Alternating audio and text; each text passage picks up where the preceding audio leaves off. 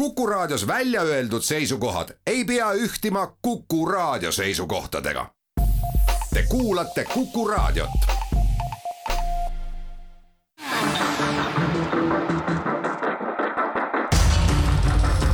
muuli ja Aavik.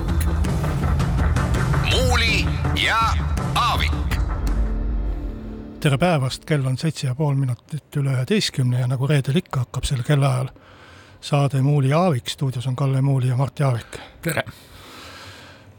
räägime esimese teemana NATO tippkohtumisest Madridis siis, kus äh, esitati liitumiskutse Soomele ja Rootsile, meie naabritele, ja kus äh, Eesti kohta tehtud või Balti riikide kohta tehtud otsuseid on siis peaminister Kaja Kallas kommenteerinud sõnadega, et saime peaaegu kõik, mida tahtsime.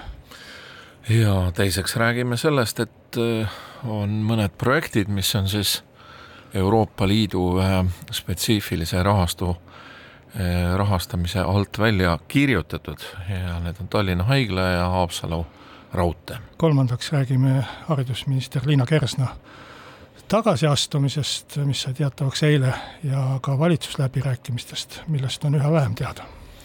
Ja neljandaks kergliiklusest ja eriti elektritõuksidest selle sees, mis on siis äh, ka ajakirjanduses tekitanud või ajakirjanduses esile toodud pahameelt.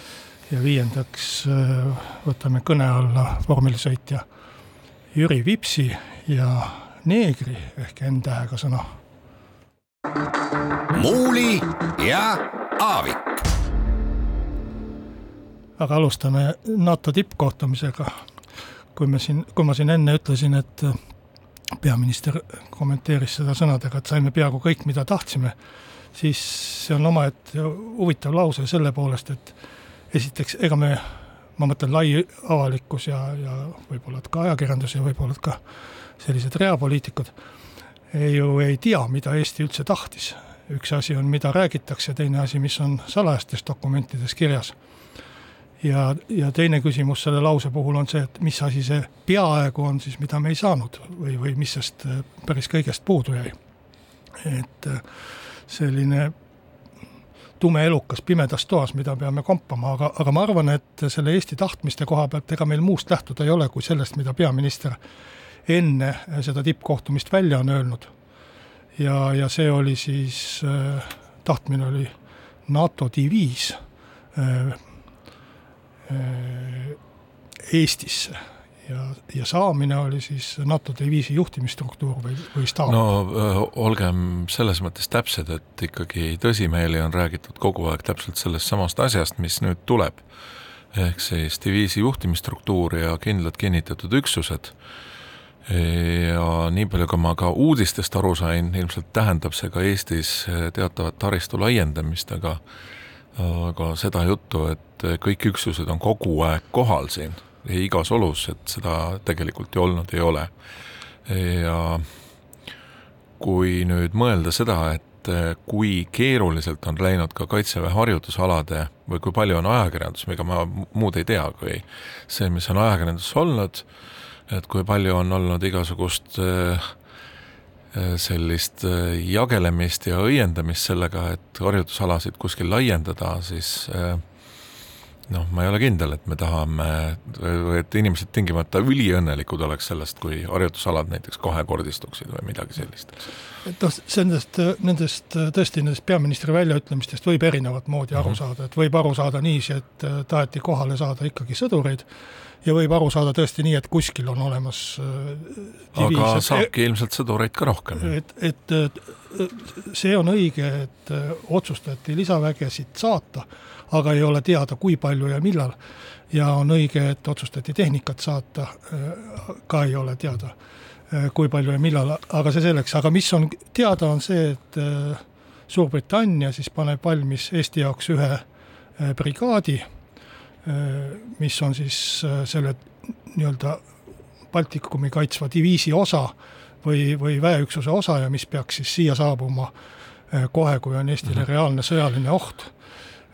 noh, me võime nüüd arutada, et kui, kui sõda oleks samasugune nagu Ukraina sõda, et millised on siis Eesti väljavaated, ühest küljest eks see Ukraina rünnaku oht oli väga pikalt ette teada, mõned seda uskusid, mõned mitte, Ameerika Ühendriigid uskusid, Ukraina ise mitte.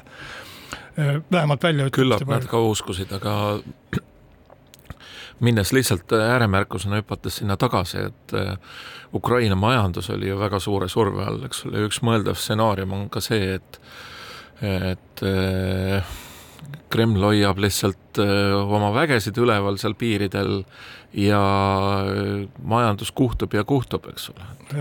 noh, aga samas, kui sa vaatad seda Ukraina sõda juba alates kahekümne neljandast veebruarist, siis tegelikult seda äh, suurt väge ja suurt võitlusvõimet oli vaja Ukrainal ju ikkagi sisuliselt esimesest sõjapäevast peale no,. Host-, Hostomeli või Kiievi lahing algas ju kahekümne viiendal veebruaril, Vene dessantväed tulid sealt äh, Antonovi või Hostomeli lennuväljal tulid ju maha praktiliselt esimese sõjapäeva lõpuks. ja, ja kui seal pea, poleks olnud vastas võitlusvõimelist Ukraina väge, siis ilmselt Kiiev oleks läinud. aga eks me ilmselt siin peame lootma seda, et et Kaitsevägi ja Kaitseväe juhataja ja kõik need, kes on tegelikult ju poliitilisele tasandile annavad oma sõjalist nõu, on ka oma eh, oskuste ja võimete kõrgusel, et et kui me hakkame nagu nuputama seda, et missugune see eelhoiatusaeg täpselt peab olema ja nii edasi nii edasi, et, et võib-olla me väga kaugele ei jõua. noh, võib-olla, et see on see sama arutelu, et kas avalikkus peaks, kui palju ta peaks teadma, kas ta peaks teadma nii palju nendest plaanidest, nagu peaminister Kaja Kallas nüüd äh, Financial Timesis oli see intervjuu vist, kus ta ütles, et Eesti okupeeritakse praeguste plaanide kohaselt äh, kuueks kuuks ja alles siis tullakse päästma.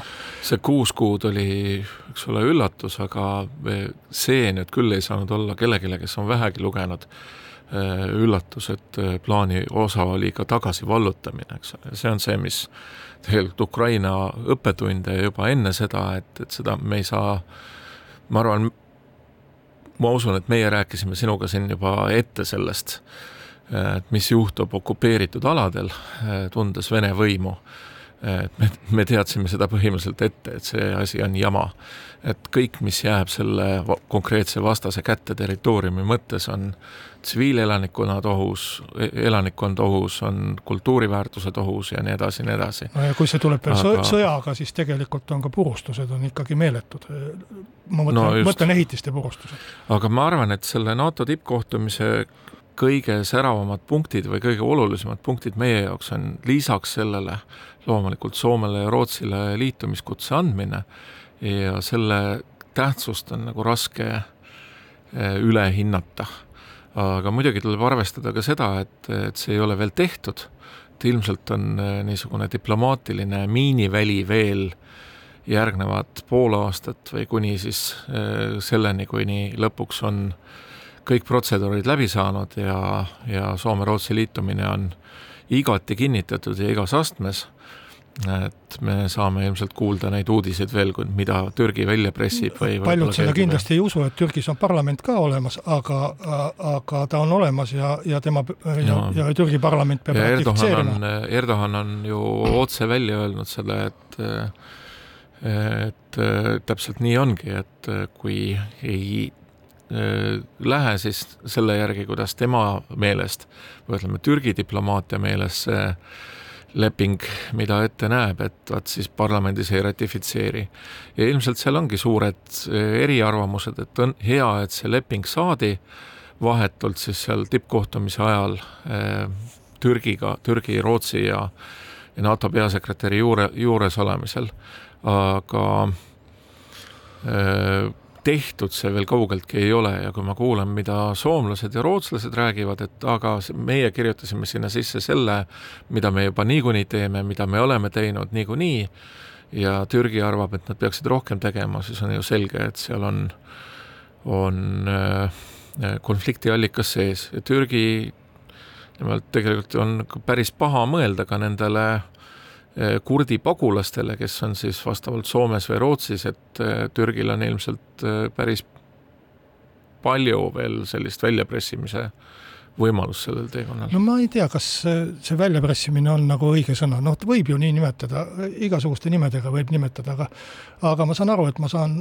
väga paljude liberaalide ja, ja, ja suurte demokraatide äh, pahameele osaliseks, kui ma ütlen, et minu meelest Türgi nõudmised vähemalt osaliselt on ka täiesti põhjendatud ja õigustatud, et ega see ei ole ikkagi mingisugune hea toon, kui kui äh, tulevased NATO riigid äh, mahitavad mingisuguseid terroriste või, või no. või, või taluvad oma, oma, oma territooriumil punaste lippude all äh, kurdi tööpartei rongkäike või, või mis, mis muud igasugust selliseid asju, et, et äh, see ei ole see. ma arvan, et see kurdi ma... maailm on natukene keerulisem ja Türgi ootused ju ei seostu ka ainult tööparteiga, nii et aga no see on pikk jutt. no külanistid ja nii edasi, aga, aga, aga ka, ka relvaembargo et kui me oleme ühes NATO-s, siis, siis ma arvan, et no peaksime... selle vastu ilmselt Soomel ja Rootsil ei olegi midagi.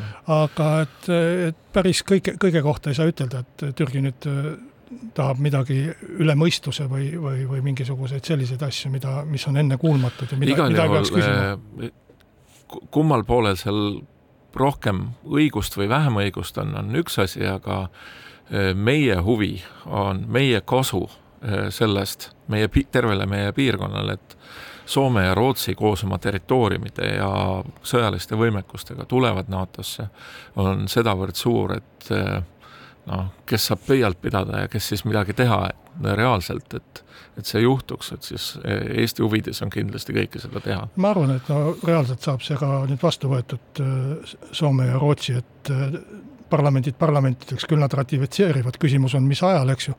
Eesti oma planeerinud juba kuuendal juulil seda teha.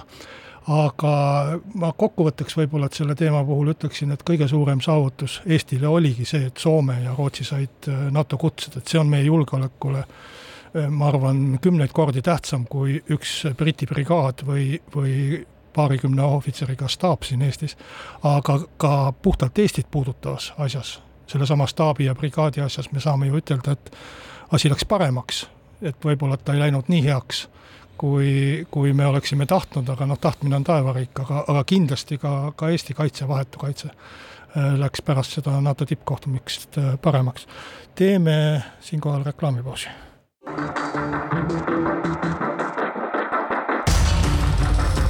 muuli ja Aavik. muuli ja räägime edasi äh, sellest, et mõned projektid on siis äh, langenud välja ühest konkreetsest Euroopa Liidu rahastamise nimekirjast valitsuse otsusega. Need on Tallinna Haigla ja Haapsalu raudtee. et siin on õige mitu tasandit minu meelest, üks on nagu tõepoolest võib, võib ka seda tõlgendada erakonnapoliitiliselt, et et mõlemad on ju Keskerakonnaga seotud äh, projektid olnud teine pool on see, et äh, kas neid objekte on äh, Eesti arenguks tarvis ja kolmas võib-olla siis nagu tehniline, et, et kes on süüdi. ja ma hakkan sellest viimasest pihta, et minu isiklik niisugune vaatleja hinnang on algusest peale olnud see, et et kuna taasterahastu, kui ma õigesti mäletan, selle Covidiga seotud Euroopa Liidu lisaraha allika nime, et selle tingimused on nii karmid eh, seoses sellega, et millal projekti nagu viimane kulutus peab olema tehtud, siis mul tundus juba esime-, esimese korraga kuuldes sellest, et Tallinna Haigla pannakse sinna sellisesse rahastamisskeemi eh, üpris kummaline. Ja seda sellepärast, et need meditsiiniobjektid, haiglad ei ole mitte lihtsalt ühed suured ehitised, vaid need on väga keerukad süsteemid ja tüüpiliselt nii palju, kui mina lugenud olen, haigla ei saa kunagi valmis selle rahaga, mis sinna alguses on lubatud, vaid tüüpiliselt need projektid lähevadki kallimaks, kui esimese hooga mõeldakse, on ja võtavad rohkem aega. ja panna üks selline väga karmide tingimustega rahastusse selline keeruka objekti eh, valmis saamine on paras riskibusiness algusest peale. Eh, nii et. Eh, kas Turba-Risti raudtee on ka väga keerukas või? tohutu no, riskiga vot jah, siin võiks, ma küsin sinu käest, et kui vaadata nagu Eesti transpordi olukorda, et kas Turba-Risti raudtee on see, mis peaks olema nagu esimese prioriteedina seal sees? praegu, praegu on oli olukord on siin olnud ikkagi tegemist sellega, et on olnud mõned mingil hetkel mõjukad poliitikud, kes on siis seda asja ajanud ja ja, ja suutnud selle esile tõsta, aga võib-olla objektiivselt hinnates ma, ja võrreldes ma, teiste ma, projektidega ma arvan seda, Martti, et, et eks sealt äh, nendest äh, objektidest kaheksasada kuuskümmend kaks miljonit, mis äh, jäi, osav raha vist on sealt katmata isegi, siis nüüd, siis no nende hulgast võib leida igasuguseid ja, ja, ja võib vaielda, et kas see või teine saaks valmis. aga me ei räägi praegu ju nimekirja arvamisest, vaid me räägime nimekirjast väljaarvamisest. ehk siis valitsus on mhm. kord nad juba sinna paigutanud ja juba kaalunud seda, kas nad on väärt seda või mitte. ja, ja praegu arvati nad välja, et ma tegelikult ei tahaks isegi laskuda sellele teemale, et, et kas nüüd Tallinna haigla, et kus ta peaks olema kas ta on esimese või teise tähtsusjärgu oma, et noh, neid asju on, on vaieldud teistel kordadel juba, siis kui nad arvati sinna. et praegu see, mis nagu välja paistab, on ikka ilmselge selline kättemaksuaktsioon Keskerakonnale. vaja on midagi välja visata ja me viskame teie asjad välja. aga mis siin justkui on jäänud kahe silma vahele, mis näitab väljaviskajate sellist erilist ülbust või erilist hoolimatust, on see, et tegelikult Tallinna Haigla erinevalt Turba ristiraudteest, mida peeti siis Jaanus Karilaiu ehk Keskerakonna projektiks, Tallinna Haigla on ka sotsiaaldemokraatide väga suure tähelepanu ja hoole all olnud ja kui sa vaatad Jevgeni Ossinovski, Tallinna volikogu esimehe, sotsiaaldemokraadist esimehe äh, reaktsiooni, siis see oli küll e-, erakordselt valulik. ehk siis samal ajal, kui peetakse valitsuse tasemel valitsuse moodustamisel läbirääkimisi sotsiaaldemokraatidega, käitutakse sotsiaaldemokraatidega nagu mingisuguse viimase jalanartsuga.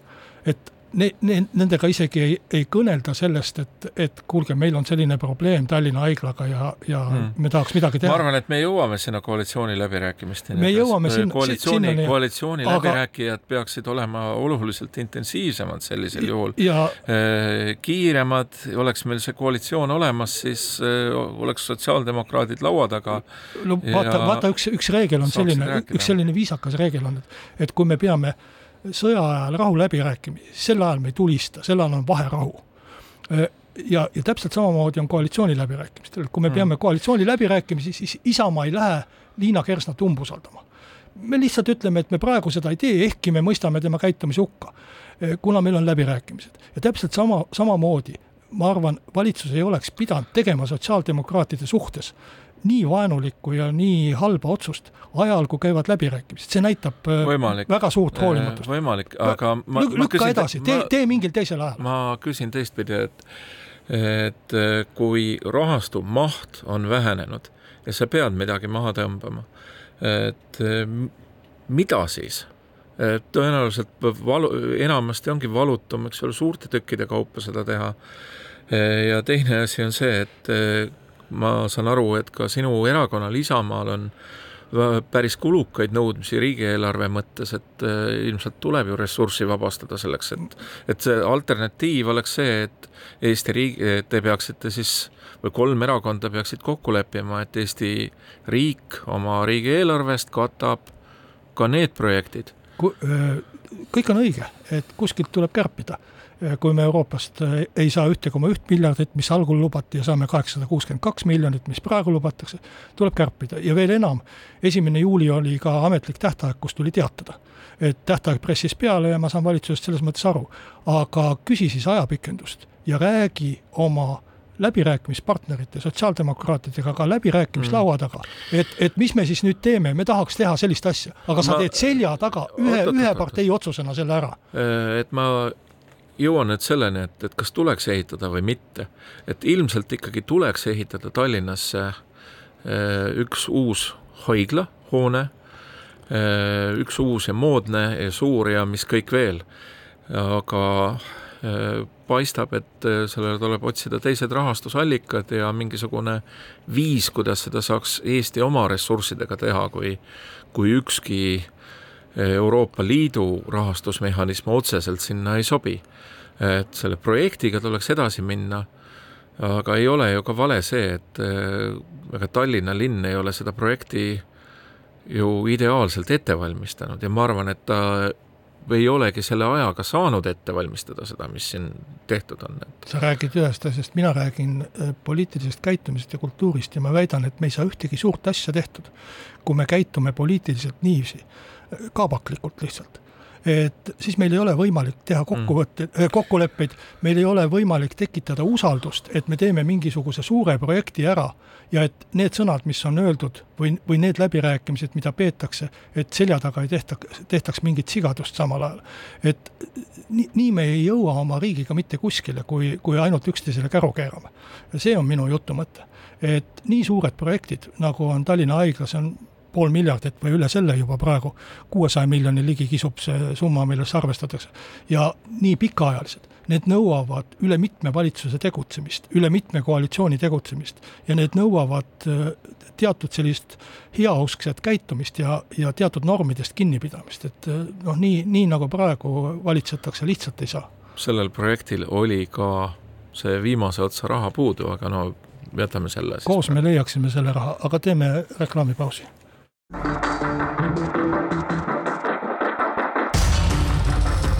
muuli ja Aavik. muuli ja Aavik. jätkame saadet äh, stuudios Martti Aavik ja Kalle Muuli, räägime haridusminister Liina Kersna tagasiastumisest ja, ja valitsusläbirääkimistest, aga mõtlesin, et kuna saate lõpuks on meil planeeritud ka natukene rääkida Jüri äh, Lips- äh,, Vipsist ja neegrist, et, et äkki, äkki peaks hoopis äh, valitsuse juttu alustama kuulsa lastelaulukesega Kümme väikest neegrit, et see kõik meenutab küll seda äh, meie kuulsa luuletaja Juhan Viidingu teksti, mis algas nii, et kümme väikest neegrit laua taga sõid, üks väike neeger iseennast ära sõi. Äh, et valitsusest on siis järele meil jäänud peaminister ja kuus ministrit selle hetkeseisuga, kui, kui tõesti nüüd Liina Kersna äh, lahkumisavalduse esitab, kuna me oleme saates otse-eetris, siis ma ei tea, kas ta on seda juba teinud. ja kui, kui Kaja Kallas selle äh, Kadriorgu viib, aga äh, ma lappasin siin oma kaustikut, kus mul on saate teemad kirjas ja ma väidan küll, et me oleme haridusministeeriumi vaktsiinihankest ja ja äh, Liina Kersna käitumisest sellega seoses rääkinud vist äh, vähemalt viis korda. ja iga kord ma olen öelnud, et äh, haridusminister peaks tagasi astuma. no tore, et on õppimisvõimeline ja ja, ja lõpuks on seda teinud, aga see on ilmselt hilinenud ja ma arvan, et nüüd, kus tõesti valitsus on jõudnud, jõudnud olukorda, kus otsuseid võib langetada juba peaminister koos ainult kolme ministriga noh, valitsuse eeskirjade kohaselt äh, selline istung veel kehtiks. et, et äh, mõistlik oleks, kui Kaja Kallas ei viiks Kersna avaldust Kadriorgu, vaid läheks sinna ise, iseenda avaldusega ja käivitaks sellised tavalised, korralised uued valitsusläbirääkimised sellega, et ta astub ise tagasi, siis hakkavad jooksma tähtajad ja siis hakkab ka tõeline äh, valitsuse moodustamise tähtaegade surve toimima erakondadele ja saab selle valitsuse lõpuks kokku, et see jant on praegu küll ületamas äh, terve mõistuse piire, mis toimub äh, Stenbockis. Jah, et kõik need läbirääkimised jätavad niisuguse madala intensiivsusega konflikti mulje, et üks tähelepanek, millele ma siin vahetult enne saadet ka kolleegidelt ajakirjanikelt äh, kinnitust sain, et äh, et kaks äh, koalitsiooni läbirääkijat, sotsiaaldemokraadid ja Isamaa käivad väga suure heameelega rääkimas ja enamasti räägivad Reformierakonnast halba. Reformierakond ei ütle midagi. et kui sa rääkisid siin enne nagu suurt, selja taga suurte sigaduste tegemisest, siis ma ei tea, mulle ei jäta kogu see avalik kommunikatsioon nagu liiga usaldusväärset ja, ja vahvat muljet, et, et pigem on, on Isamaa ja sotside poolt kogu aeg nagu sellist juttu, et, et kõik on ikka väga halvasti, et nagu head tahet ma sealt avalikest esinemistest kummaltki väga välja ei loe. Tegelikult on ju lugu nii, et vähemalt need suured asjad, mis Isamaa lauda pani, ma teiste erakondade asju nii hästi ei tea, nendes ei ole üheski jõutud kokkuleppele. on küll lähemale nihkutud ja, ja, ja mingisuguseid kompromisse ühelt ja teiselt poolt tehtud, aga põhimõtteliselt kõik kolm suurt asja, lastetoetused ja peretoetused, eestikeelne haridus ja kolmandaks ka energiaturu reform, kõik on veel lahtised mingi, mingites osades.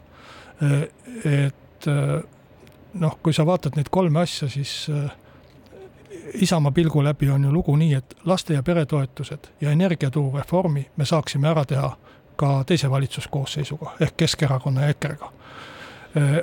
ainus põhjus meil sinna koalitsiooni minna, kellega me praegu läbirääkimisi peame ja kellegi teisega me ei pea läbirääkimisi, on eestikeelne haridus ehk need kolm asja. ja, ja, ja kui me neid kolme asja ei saa, siis tekib küsimus, et miks me sinna üldse lähme ja, ja see on see, see probleem, miks, miks Isamaa ei saa kuidagi edasi nihkuda. aga, aga ma olen põhimõtteliselt nõus äh, ka sellega, kus sa ütlesid, et madala intensiivsusega konflikt, et see on tõesti väga madala intensiivsusega läbirääkimised, mida peetakse. eile näiteks peeti läbirääkimisi kaks tundi. kaks teemat oli päevakorras, no kahe tunni peale kaks äh, teemat ei ole võimalik üldse millestki rääkida, jõutigi ainult ühest teemast rääkida, eestikeelsest haridusest, teine jäi ma ei mäleta, seal toimetulek oli vist teine teema, jäi rääkimata. et no kui sa pead päevas kaks tundi läbirääkimisi ja vahepeal jaanipäeva ajal pead veel neli päeva pausi, et siis sa ei jõuagi kuhugi, see on üks asi, aga teine asi, et läbirääkimised ka ütlen ausalt, ma olen palju koalitsiooni läbirääkimisi näinud nii ajakirjanikuna kui ka mõnda poliitikuna, aga nii halvasti korraldatud läbirääkimisi on harva. esiteks selline kaootiline päevakord mis muutub ja, ja tekib uuesti ja kus ühtesid teemasid arutatakse kolm korda erinevatel päevadel ja erinevates koosseisudes, küll ekspertrühmades, erakonna esimeeste vahel, küll delegatsioonide vahel. et esiteks selles on kaos, kaos ja teiseks vähemalt kahel viimasel koalitsiooniläbirääkimisel ma näiteks mäletan, et peeti korralikult protokolli. igal hommikul pandi eelmise päeva protokoll äh, delegatsioonide ette lauale, vaadati esimese punktina läbi eelmise päeva protokoll. kas kõik on sellega nõus, kas kõik on ühtmoodi aru saadud. ja siis ei tekkinud sellist asja, et järsku tuleb üks äh, poliitik laua taha ja ütleb, aga selles me leppisime juba kokku, mis me seda arutame. ja teised ütlevad, et ai, me ei, selles ei ole kokku leppinud.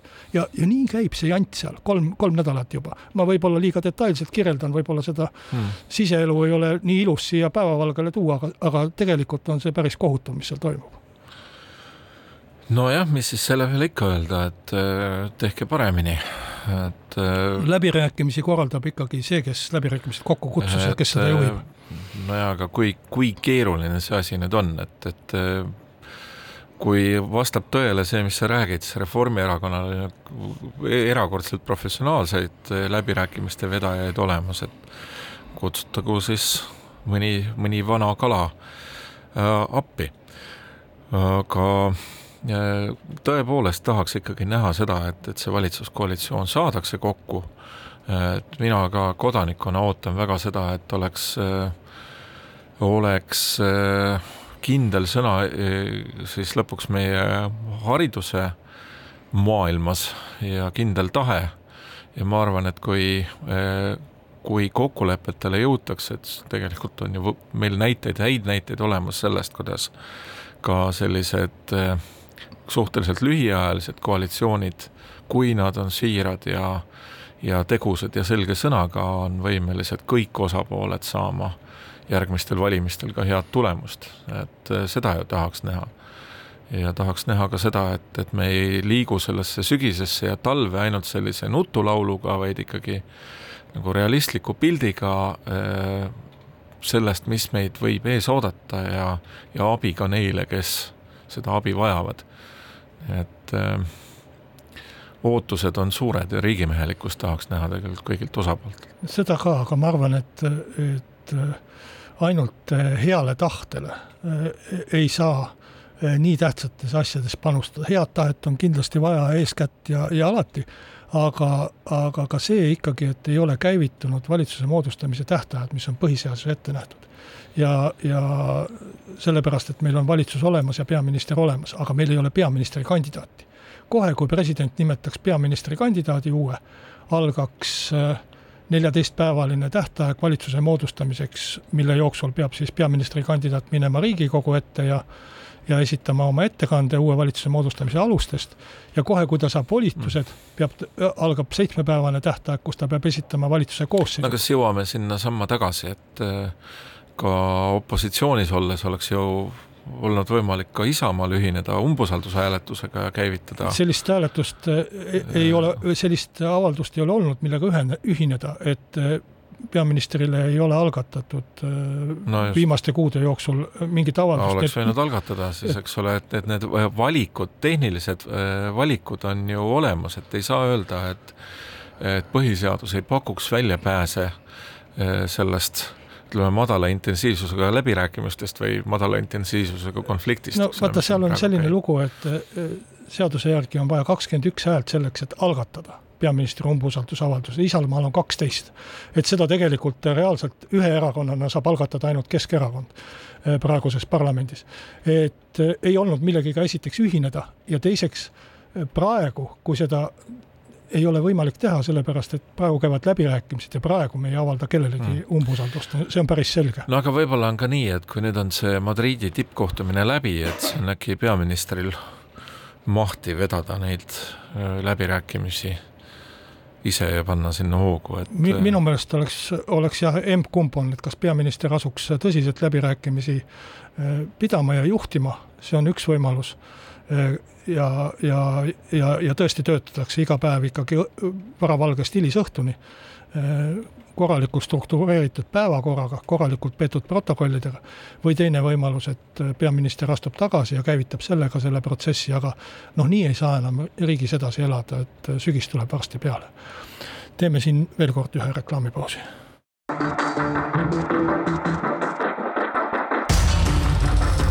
muuli ja Aavik. muuli ja on äh, suveaeg ja ikka räägitakse suvel kõigest sellest, mil, mis inimesed suvel näevad, äh, üks neist on kergliiklus.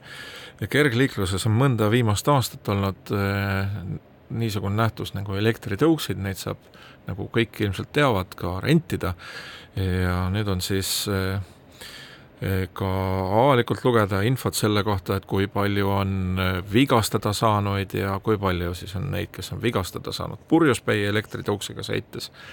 ja äh, ma arvan, et siin on vaja ühte korralikku kultuurimuutust mitmel tasandil äh, ja kultuurimuutus saab ka politseiliste vahenditega natukene kaasa aidata, et et olen ise näinud, küll mitte ise puhunud kunagi, kuigi ma sõidan palju jalgrattaga, jalgrattaid kontrollimas politseid, et äh, tõepoolest, politsei, kui meil on siseminister, võiks edasi öelda politseile, et äh, et äh, laske puhuda neil tõuksisõitjatel ja võib-olla mitte keset päeva, vaid siis sobival ajal, et saaks natukene vähemaks seda kuritarvitamise kohta. Ja noh, lisaks sellele õnnetuste juhtumisele on mul ka isiklik kogemus eelmisest aastast, et et sõidan hästi palju jalgrattaga ja, ja ka mina kukkusin ühe korra ja sain ühe luumurru eh, tänu sellele, et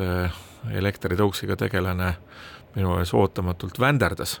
noh, võib-olla oleks see võinud juhtuda ka teise jalgrattaga, aga nagu alatihti näen ka seda, et need eh, renditõuksid on keset jalgrattateed või keset kõnniteed risti-rästi lihtsalt suvaliselt seisma jäetud, et et need ohud ei ole mitte ainult liiklevate tõukside poolt, vaid ka sellest, kuidas inimesed neid jätavad ja see on noh, ütleme selline kultuuri küsimus ja ilmselt peaks olema ka nende laenutajad midagi siis ette võtma, kas inimestele proovima rääkida või veel midagi tegema, et noh, tõepoolest lõppeval nädalal ja, ja vist nädal varemgi on olnud ajakirjanduses ikka nii palju neid lugusid tõuksidest, et jääb isegi kohati mulje, noh, mis ei pruugi tõsi olla, mulje, et on tegemist nagu mingi tõuksivastase PR-kampaaniaga, aga noh, esiteks me peaks vist võtma hoiaku, et me ei õhutaks üksteise vastu viha sellel pinnal, et kes millega liigub, et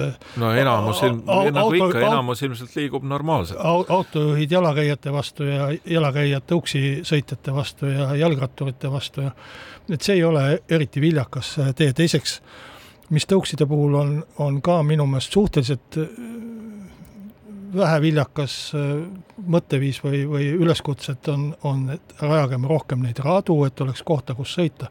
see, seda saab muidugi teha ja, ja seda peaks muidugi tegema, aga äh, tunnistame, et eks see võtab väga kaua aega esiteks kuni, kuni linna ümber ehitada.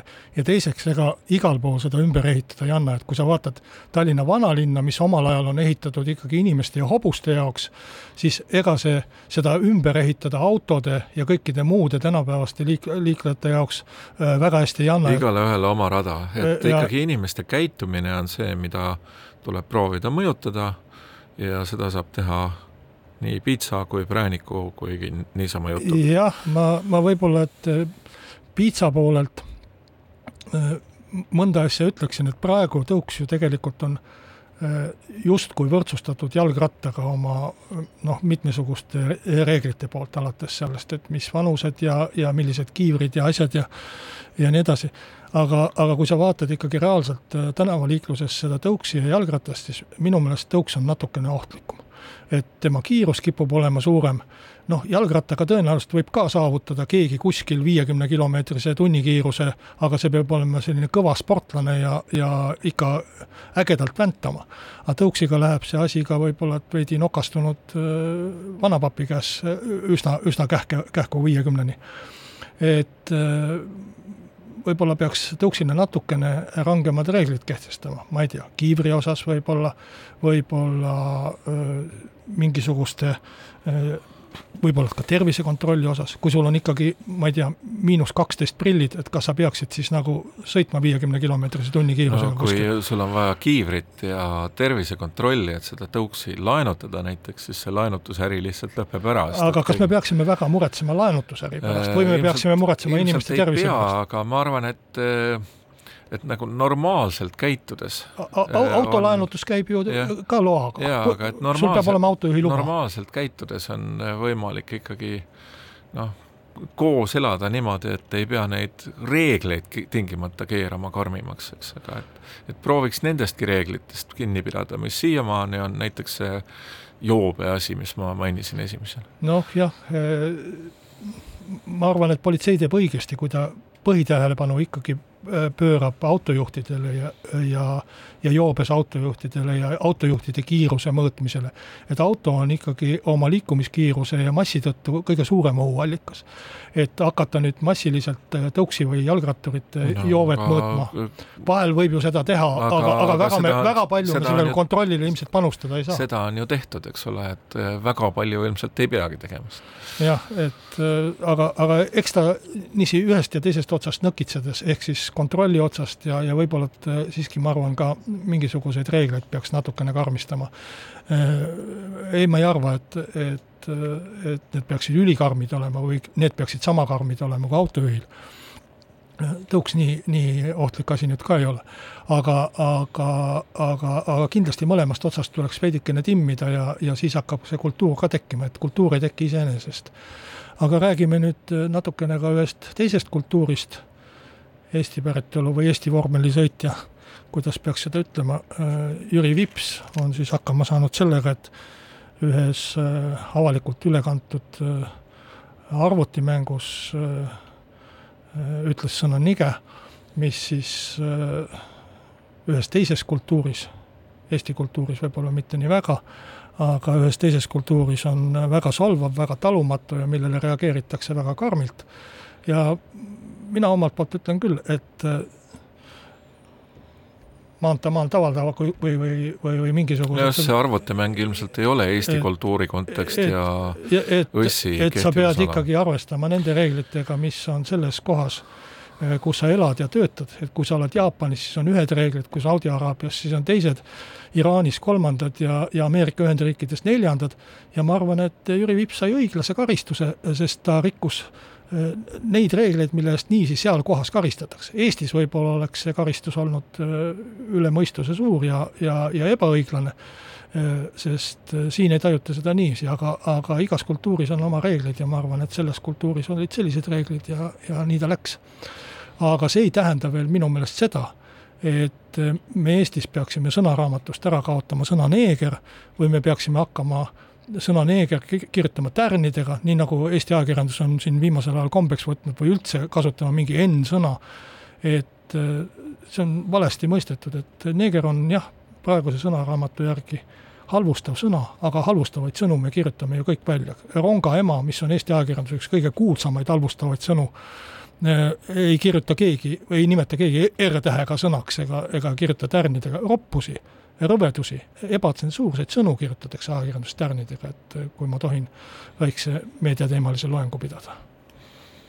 jah, aga ega mis ma selle peale ikka ütlen, et et äh, ma arvan, et selline kultuurisõdade või on väga suur erinevus, et kas kuskil on selline teema, et Pipi Pikksuka äh, isa Efraim Pikksukaid äh, äh, raamatus hakatakse ümber nimetama, et seal on ta neegrikuningas ja las ta olla nii, nagu on, aga selle varjus nagu lihtsalt inimeste sõimamist õigustada ei ole minu, minu meelest küll kuidagi õige, et et on kaks erinevat asja, et võime siin üldkultuuriliselt arutada, et et poliitiline korrektsus on äh, tihtipeale madalalaubaline niisugune, niisugune politrukide maailm, aga ega siis äh, sõim ja karjumine ja, ja, ja teiste inimeste alavääristamine ei ole kaugeltki midagi sellist, mida me peaksime heaks kiitma. noh, üks, üks küsimus on see, et kas ja, me, kas me peaksime,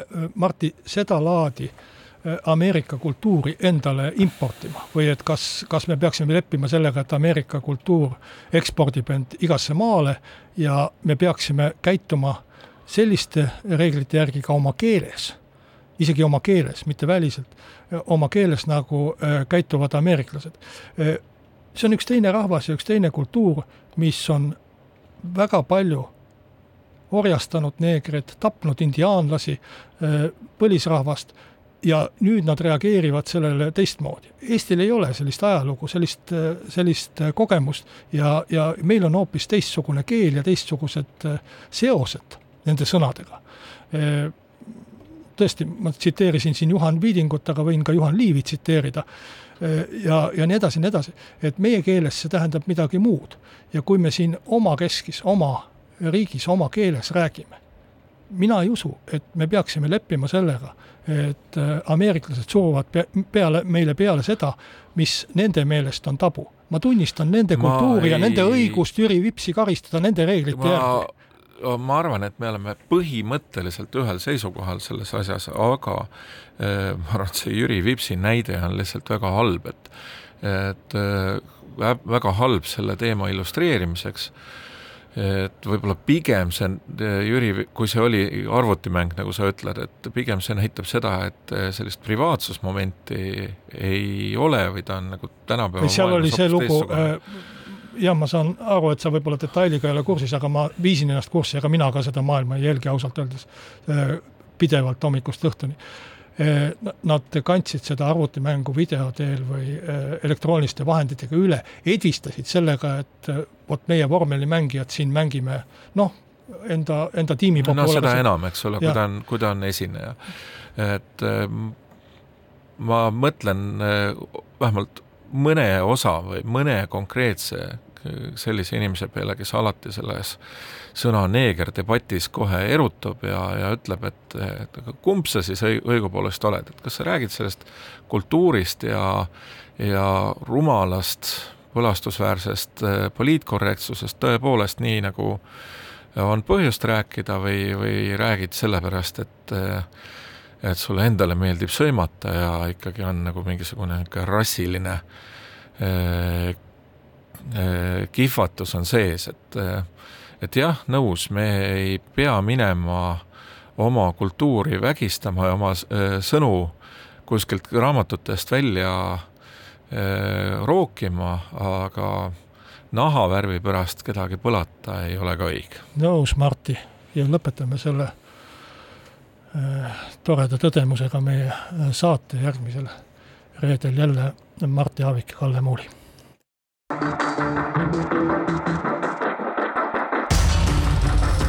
Muuli ja Aavik. muuli ja